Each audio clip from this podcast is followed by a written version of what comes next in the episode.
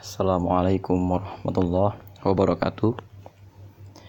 Pada kesempatan kali ini kita akan membahas masalah bagaimana awal mulanya dakwah jahriyah setelah Rasulullah itu dan setelah Abu Bakar Siddiq gitu ya melakukan launching perdana seruan Islam di depan Ka'bah. Apa yang jadi reaksi orang-orang Quraisy dan yang kedua bagaimana kisah dakwahnya setelah itu berjalan. Karena kan ini tidak sederhana gitu ya. Orang baru pertama kalinya mengenal dakwahnya Rasulullah. Tapi sebelum itu eh, kita akan masuk dulu ke apa reaksi orang-orang Quraisy gitu ya setelah peristiwa dipukulinya Abu Bakar As-Siddiq dan setelah peristiwa dakwah Islam betul-betul didakwahkan di tengah jalan, di tengah lapangan, semua orang bisa mendengar. Reaksi orang-orang Quraisy terbagi menjadi tiga. Reaksi yang pertama itu tentu saja mereka yang mulai berpikir, kayaknya benar juga nih ya kata ini orang, nah, gitu. Kayaknya benar juga kata Muhammad ini, karena memang pangkal dari peradaban kita itu rusaknya ya gara-gara agama berhala itu. Itu yang pertama. Reaksi yang kedua, ini orang-orang yang cenderung masa bodoh. Karena pada saat itu mereka belum menyadari apa implikasi dakwah bagi mereka mereka ini baru berpikir bahwa oh ya kayaknya ada orang Abu Bakar sama Muhammad itu gitu ya yang menyerukan satu tawaran baru peradaban sementara nggak nggak nyinggung bisnis saya atau sementara mereka nggak minta sesuatu dari saya ya terserah saja. Nah ini ibaratnya mereka orang-orang sekuler. Mereka nggak mau ambil pusing sama urusan agama. Tipe ketiga adalah orang-orang yang memang sejak awal sadar kenal Nabi Muhammad kenal sama Abu Bakar dan tahu kalau sampai Muhammad dan Abu Bakar ini bersatu, ibaratnya kalau sampai mereka ini mulai menawarkan satu peradaban, dia sadar agama berhala itu nanti akan jatuh. Dan kalau agama berhala itu jatuh, maka kapitalisme yang selama ini mereka jalankan atau penindasan kepada budak-budak, penindasan kepada kelompok manusia yang lain, itu nanti akan hilang. Maka mereka-mereka yang merasa bahwa datangnya Islam itu mengganggu kepentingan mereka, mereka ini langsung bereaksi dengan keras. Di antara mereka-mereka yang bereaksi dengan keras ini adalah Al-Walid bin Mughirah. Dia dari Bani Makhzum, ya. Di antara yang bereaksi cukup keras Abu Jahal bin Hisham juga dari Bani Makhzum. Di antara yang lain yang cukup keras itu adalah Abu Lahab dari Bani Hashim. Uh, ada lagi nanti Al-As bin Wail ini dari Bani Saham. Ada lagi yang bereaksi cukup keras itu Abu Sufyan, dia dari Bani Umayyah. Bani Umayyah itu Bani Abdul Syams itu ya ini satu keluarga besarnya Utsman. Nanti ada lagi yang cukup keras Al Akhnas bin Shuraik, ada Suhail ya uh, Suhail bin Amr itu dari Bani Amr bin So'so'ah. Ini bani yang sangat-sangat besar ya bani yang banyak jumlahnya dan kemudian bani ini kuat-kuat. Sehingga pada saat itu tampaknya Rasulullah ngerti banget. Ini dakwahnya akan menyentuh semua kalangan dan ini pembesar-pembesarnya itu setelah dakwahnya Rasulullah semacam itu tuh mereka langsung sering mengadakan rapat di Darun Nadwa. Apa itu Darun Nadwa? Darun Nadwa itu semacam tempat pertemuan formal para perwakilan kepala-kepala suku. Tentu saja yang biasanya memimpin itu adalah pemimpin e, kota Makkah itu sendiri yaitu Abu Talib. Tapi pada saat itu memang Abu Talib ada, gitu ya. Abu Talib ada ikut berkumpul di dalam Darun Nadwa. Tapi tampaknya di situ Abu Talib dengan kewibawaannya dia tidak berusaha mengarahkan forum Darun Nadwa itu ke mana ya dan tampaknya memang Walid bin Mughirah dan kawan-kawannya ini sadar termasuk juga Abu Jahal itu sadar bahwa Nabi Muhammad itu memang dilindungi oleh Abu Talib sehingga mereka beberapa kali sidang tampak tidak mengajak Abu Talib ke dalam Darun Nadwa model Darun Nadwa itu seperti eh, DPR MPR seperti sekarang. Demokrasi sekali gitu ya. Demokratis sekali sehingga siapa pun yang mimpin sebenarnya nggak ada masalah karena ini tergantung kekuatan di satu kabilah atau tergantung juga kemampuan diplomasi dari orang yang menjadi wakil kabilah tersebut di Darun Nadwa. Nah, e, tapi setelah itu tampaknya pembahasan mereka tuh ngambang-ngambang aja. Kenapa? Mereka kelihatannya masih menunggu apa yang akan dilakukan oleh Muhammad. Selain itu, yang menampakkan keislaman, menurut hadis dari Abdullah bin Mas'ud, ternyata hanya tujuh orang Nabi Muhammad sendiri, Abu Bakar As-Siddiq, Bilal bin Rabah, uh, Ammar bin Yasir, Suhaib bin Sinan Ar-Rumi gitu ya. Terus uh, dua orang lagi itu orang tuanya Ammar bin Yasir. Ini cukup berani tampaknya mereka ini. Karena nanti akhirnya Yasir dan Sumayyah itu menjadi martir pertama dalam Islam, menjadi syuhada pertama untuk agama ini. Nah, keluarga Ammar bin Yasir ini asalnya dari Bani Makhzum di mana dari Bani Makhzum itu langsung dua orang yang memerangi Nabi Muhammad pemimpinnya sekaligus gitu loh siapa dia? Walid bin Mughirah dan Abu Jahal. Ini dua-duanya termasuk orang yang cukup kuat. Maka nanti keluarganya Amr bin Yasir itu termasuk orang yang disiksa paling keras gitu ya. Nah e, Bilal bin Rabah ini nanti disiksa oleh Umayyah bin Khalaf. Ya Umayyah bin Khalaf. Tapi ceritanya ini tidak ke situ dulu tapi yang jelas reaksi orang Quraisy itu bermacam-macam. Apa yang dilakukan oleh Rasulullah setelah itu? Ternyata Rasulullah melanjutkan aksi sosialnya, melanjutkan aksi mengenalkan Islam kepada khalayak luas. Bagaimana caranya? Pada pertemuan yang lalu kita sudah pernah membahas bahwa wahyu-wahyu awal yang turun itu isinya seruan-seruan yang sifatnya seruan moral. Itu yang pertama. Yang kedua, yang sifatnya itu seruan untuk mengadakan etika di berbagai lini kehidupan, politik, sosial, ekonomi dan lain-lain.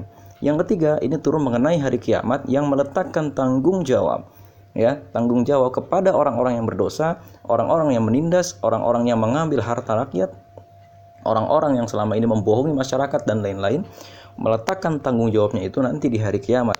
Bahwa nanti di hari kiamat mereka itu akan dikenai sanksi oleh Allah. Nah, wahyu-wahyu yang turun semacam ini nih juga terutama surat Al-Mudathir dalam surat uh, apa? dalam surat Al-Alaq dibacakan oleh Rasulullah pada saat ketika Rasulullah itu melakukan aksi sosial yaitu sholat. Mereka sengaja menunjukkan sholat ke khalayak ramai. Rasulullah nggak takut dikatakan ria karena apa? Ya memang itulah kebutuhan dakwah. Kalau dakwah itu kita takut ria takut ria takut ria maka kita nggak akan jadi trendsetter bagi orang. Kita nggak akan dilihat orang gitu loh. Maka di awal kemunculannya kami dan LDK itu cukup berani gitu loh. Mereka berani di awal-awal dulu itu di tempat-tempat publik baca Quran berani di tempat-tempat publik itu kajian yang berdasarkan ayat Quran gitu ya. Berani di tempat-tempat publik di masjid ketika nggak ada seorang pun sholat duha aktivis-aktivis dakwah kampus itu sholat duha ya. Ketika eh, apa namanya di acara-acara pada saat itu ya acara-acara kampus tuh nggak ada tradisi membacakan Al-Quran sebelum acara aktivis dakwah kampus periode tahun 80-an tahun 90-an berani membacakan Al-Quran kepada khalayak ramai tentu saja dengan suara yang bagus gitu loh yang pada saat itu jarang orang itu punya bisa membaca Al-Quran suaranya bagus karena memang saat itu metodologi dakwahnya tidak mengutamakan kepada Al-Qur'annya tapi mengutamakan kepada kisah-kisah hikmah. Ini generasi zaman dulu. Kalau generasi yang sekarang ini mengutamakan kepada Al-Qur'an, maka aktivis dakwah zaman dahulu itu nyalinya memang besar sekali. Gitu loh. Kita pernah sekali kan memang menemukan cerita gitu ya bahwa aktivis-aktivis dakwah zaman dulu itu untuk sholat, mendirikan masjid, untuk apa namanya sekedar menggunakan jilbab membaca Al-Quran sebelum acara acara apa pun itu gitu ya. Itu sampai dipukuli sampai dikatakan radikal dan lain-lain di DO dan seterusnya. Ini yang kemudian sebenarnya terilhami dari tindakan Rasulullah saat itu gitu ya. Itu sholat di kedua tepi siang yaitu sholat subuh dan sholat maghrib dan isya gitu ya. Itu eh, pada saat itu memang Rasulullah sengaja membacakannya dengan suara yang jahar. Dan kemudian ya di awal sekali masa periode dakwah ini nih Ternyata kan saat itu ada langsung orang-orang Quraisy yang merupakan orang-orang terdekatnya Rasulullah sendiri itu menyerang Rasulullah. Nah, di sini istimewanya. Jadi Allah itu ternyata mengetahui keluh kesahnya Nabi Muhammad dan menurunkan surat Al-Muzammil untuk meneguhkan hati Nabi Muhammad. Ini latar belakang gitu ya, bagaimana sholat malam itu punya posisi tersendiri di hati orang Islam, terutama di hati para as-sabiqun al-awwalun. Mari kita buka mushaf lebih tepatnya kita buka di surat Al-Muzammil ya. A'udzu billahi minasyaitonir rajim Bismillahirrahmanirrahim. Ya ayyuhal muzammil qumil laila illa qalila. Nisfahu aw inqus minhu qalila. Aw zid alaihi wa rattilil qur'ana tartila. Inna sanulqi alaika qawlan thaqila. Inna nashi'atal laili hiya ashaddu wa wa aqwa muqila inna laka fin nahari sabhan tawila wadhkur isma rabbika wa tabattal ilaihi tabtila. Rabbul masyriqi wal maghribi la ilaha illa huwa fattahishu wakila. Wahai orang-orang yang berselimut bangunlah untuk salat pada malam hari kecuali sebagian kecil yaitu separuhnya atau kurang sedikit dari itu atau lebih dari seperdua itu. Bacalah Al-Quran itu dengan perlahan-lahan Sesungguhnya kami akan menurunkan perkataan yang berat kepadamu. Sungguh bangun malam itu lebih kuat mengisi jiwa dan bacaan di waktu itu lebih berkesan.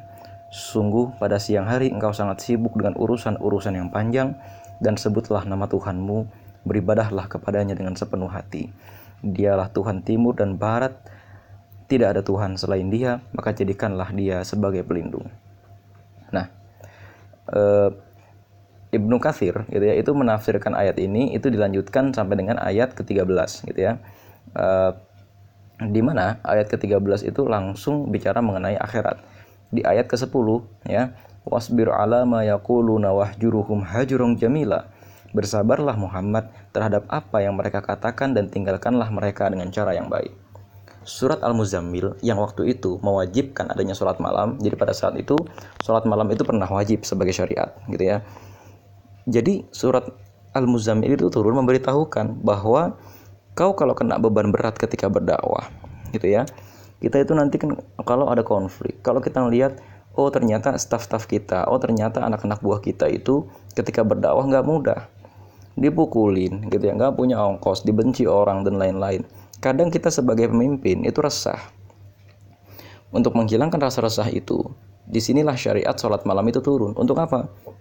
Untuk wasbir ala ma yaqulu nawahjuruhum. Wasbir ala ma yaquluna wahjuruhum hajrun jamila. Jadi memang kita itu diminta untuk bersabar saja dari apa yang mereka katakan ya kan? Dan kemudian bersabarlah dengan kesabaran yang baik berpalinglah gitu loh. Artinya udah nggak apa-apa gitu ya. Caranya bagaimana? Sholat malam. Dan sholat malam inilah yang kemudian menjadi semacam tempat charger atau semacam baterai gitu ya bagi orang-orang yang beriman dan setelah sholat malam pada saat itu Rasulullah diminta untuk membaca Al-Quran karena bacaan di waktu itu lebih berkesan. Pertanyaannya begini, membacakannya itu gimana? Ternyata Rasulullah menafsirkan ayat ini nih. Rasul itu tidak membacanya dengan sembunyi-sembunyi di kamar gitu ya. Ternyata Rasulullah itu membacakannya dengan suara keras sehingga sampai pada saat itu ada kisah Abu Jahal ya Abu Sufyan dan Walid bin Mughirah itu mindik-mindik mengendap-endap ingin mendengarkan suara tilawah Nabi Muhammad yang memang sangat indah Nah ini reaksi orang Quraisy. Jadi orang Quraisy itu memusuhi Rasulullah, ya. Tapi ternyata mereka itu tertarik dengan bentuk ini loh, bentuk cara Rasulullah itu membacakan Al-Quran. Makanya penting buat kita itu untuk belajar membaca Al-Quran dengan indah gitu ya. Nah pada saat itu Rasulullah di suatu malam itu membaca Al-Quran dengan suara yang sangat indah gitu ya. Bayangkan dengan juga dengan uh, lantunan suara yang memang uh, membuat menenteramkan hati. Ya kan gitu. Di sini kan di surat Al-Muzammil itu dikatakan E, bacaan di waktu itu lebih berkesan. Artinya memang ketika Rasulullah membaca Al-Quran, yang mendengar juga akan lebih terkesan. Karena apa? Sepi, adem, sejuk. Rupanya, ya tiga orang tadi, Abu Jahal, Abu Sufyan, dan Walid bin Mughirah, termasuk di antaranya Umayyah bin Khalaf di waktu yang berbeda itu, mengendap-endap. Sehari dua hari nggak ketahuan. Ternyata di hari-hari selanjutnya, ketiganya papasan, tas, di arah jalan yang mau ke rumah Nabi Muhammad di mana tiga-tiganya ini sama-sama tahu nih kok jam-jam segini orang-orang ini keluar ngapain akhirnya ditanya ngapain antum akhirnya ngaku saya mau mendengarkan Muhammad membaca Al-Quran akhirnya mereka malu sendiri udah gitu ya nggak jangan lagi kita kayak begini nanti malu kalau dengar orang-orang tapi mereka mengakui bahwa Al-Quran itu bacaan yang sangat indah gitu loh jadi soal Surat apa saja yang dibaca? Al-Mudathir, Al-Muzammil, Al-Duha, dan lain-lain. Termasuk Asy-Syu'ara yang sudah turun, Furqan juga sudah turun pada saat itu gitu ya. Dan di sini gitu ya, Rasulullah itu selain tadi ya, sholat kemudian bacaan didengar sama orang, malam-malam itu itu membaca Al-Quran juga yang bacaannya didengar juga oleh orang. Di mana gitu ya, cerita lain yang yang mengesankan bahwa tampaknya ini tidak hanya Rasulullah, Abu Bakar As-Siddiq juga melakukan hal yang sama di rumahnya. Bahkan Abu Bakar As-Siddiq itu e, membaca Al-Quran itu e, gini kalau Rasulullah itu membaca oke sampai menangis tapi Abu Bakar itu ternyata kata Aisyah itu lebih lembut sekali hatinya setiap berapa ayat nangis setiap berapa ayat nangis itulah Abu Bakar Siddiq gampang sekali tersentuh. Dari sini gitu ya dari mulut ke mulut dakwah Rasulullah itu dibicarakan orang. Sampai akhirnya ketika memperhatikan kata-kata yang ada dalam Al-Quran, ketika memperhatikan propaganda-propaganda yang disebar oleh Rasulullah, barulah secara ijma gitu ya secara kelompok orang Quraisy merasa dakwah Rasulullah ini adalah ancaman ini yang jadi soal. Di mana ancamannya? Ya gawat lah masa e, ibaratnya gitu ini Tuhan-Tuhan mereka disuruh pergi gitu ya disuruh disuruh tinggalkan waru jazafahjur kan waru jazafahjur itu udahlah jangan lagi nyembah berhala gitu kan? Dan selama ini para pengusaha-pengusaha, pemimpin-pemimpin kota Mekah, cendekiawan-cendekiawan kota Mekah saat itu berperan sebagai togut-togut yang menurut Abdurrahman Al-Kawakibi ini dianggap sebagai togut ilmu pengetahuan. Sumber ilmu pengetahuan yang boleh dicerna oleh orang miskin itu cuma satu sumber dari mereka aja. Atau gitu ya, sumber ekonomi, sumber uang gitu diatur oleh orang-orang kaya agar orang-orang miskin itu pendapatannya terbatas. Jangan sampai orang-orang miskin ini jadi lebih kaya daripada mereka. Dan seterusnya. Ketika datang ayat Al-Quran yang mengatakan gitu kan wala tamnun tastakfir dan seterusnya. Geger ini mereka padahal ayat Al-Quran pada saat itu masih sedikit. Nah ini yang kemudian kenapa dakwah Rasulullah itu ditolak pada saat itu Nah, ketika mereka tuh geger heboh semacam itu, dan kemudian ada beberapa di antara mereka yang ketahuan tadi ya, mengendap-endap, esok harinya tuh mereka segera mengadakan rapat di Darun Nadwa. Menentukan apa? Menentukan ini sebenarnya apa ya seruannya Muhammad ini mereka berdebat, berdebat, berdebat gitu ya sampai kemudian datang seseorang Walid bin Mugiroh tadi. Walid bin Mugiroh ini pengusaha besar, bangsawan gitu ya, bapaknya Khalid bin Walid. Dia ini juga salah satu cendekiawan di bidang sastra. Semua orang bertanya, ini Muhammad bawa apa ya? Oke, jawaban pertama. Ini kayaknya Muhammad gila aja sih gitu loh. Dia jelasin lagi, enggak orang gila ngomongnya enggak kayak begini. Nah, gitu kan. Orang gila itu ngomongnya nggak jelas, ini ngomongnya jelas, indah lagi. Satu. Yang kedua, ini kayaknya mantra sihir. Atau ini kayaknya puisi. Enggak. Kata Walid Mugiro, saya tuh hafal puisi-puisi, kata dia. Saya sering baca puisi, bahkan memang Walid bin Mugiro sendiri termasuk penyair. Gitu loh, penyair yang cukup besar pada saat itu, karena keterampilan berbahasa sedang memuncak. Dan apa kata Walid bin Mugiro? Saya ini bahkan pernah mendengar syair-syair jin syair-syair jin aja itu nggak kayak begitu itu loh kata Walid oke kalau gitu kata mereka ini apa e, mantra sihir enggak juga gitu loh kalau emang ini benar-benar mantra sihir ya kalau ini benar-benar mantra sihir kok ibaratnya kenapa kita setelah mendengarkan itu tuh nggak kena pengaruh apa-apa nggak nggak jadi sakit gitu loh kita hanya terpesona dengan bacaan itu tapi sudah terpesona saja itu yang pertama yang kedua kalau memang ini bacaan-bacaan sihir mantra-mantra sihir itu punya ciri khas. Ada bacaan-bacaan yang meracau yang kita nggak tahu, kita nggak ngerti. Tapi kenapa bacaan yang Nabi Muhammad itu bisa kita mengerti maknanya? Mana ada orang belajar moral dari mantra sihir gitu loh. Kan orang zaman sekarang itu bisa membedakan ya, mana dukun, mana dokter. Kalau dukun itu dia membaca, itu kita nggak usah ngerti artinya, kita nggak boleh. Tolong dong ngajarin saya mantranya, nggak boleh, nanti bla bla bla bla. Kalau Al-Quran beda. Kalau Ustadz, tolong dong ngajarin saya Al-Quran, Ustadz dengan senang hati mengajarkan Loh ini kan masalahnya kalau begitu bukan bukan bukan sihir juga. Akhirnya mereka itu kan berdebat berdebat berdebat nggak nemu poinnya gitu kan. Oke gitu kan kalau begitu apa dong? Nah, akhirnya mereka pending sidangnya itu satu hari penuh dan besok sepakat untuk menentukan lagi setelah dipikir-pikir malam-malam mereka mendengarkan lagi Nabi Muhammad dan Nabi Muhammad tahu gitu loh. Nabi Muhammad tahu mereka mendengarkan tapi Nabi Muhammad nggak tahu mereka lagi ngomongin apa. Besoknya ketika berkumpul lagi di Darun Nadwa mereka berkesimpulan. Si Walid bin Mugiroh ini berkesimpulan ya ini kayaknya memang sihir gitu loh. Ini nih kayaknya emang beneran sihir. Nah, nanti turun ayat Al-Quran itu mengenai Walid bin Mugiroh yang Allah itu mengabarkan kepada Nabi Muhammad bahwa ada orang yang mendengarkan Al-Quran tapi kemudian menganggapnya sebagai sihir yang nyata. Ketika Walid bin Mugiroh berkesimpulan bahwa ini emang beneran sihir gitu loh. Besoknya itu kan mereka rapat terus menentukan bahwa ini sihir gitu loh. Allah mengabarkan kepada Nabi Muhammad melalui wahyunya surat Al-Mudathir ayat 11 dan seterusnya gitu ya. Zarni wa man khalaqtu wahida mamduda wa banina syuhuda wa mahattu lahu tamhida thumma yatma'u an azid kalla innahu kana li ayatina anida dan seterusnya biarkanlah aku bertindak kepada orang yang aku sendiri telah menciptakannya. Dan aku berikan kepadanya kekayaan yang melimpah dan anak-anak yang selalu bersamanya. Jadi Walid bin Mughirah itu termasuk orang yang paling kaya di kota Mekah, Taipan besar sekali. Yang tanahnya itu memanjang dari kota Mekah sampai Madinah itu kira-kira sekitar 300 sampai 400 kilo itu nggak putus tanahnya dia doang. Gitu ya.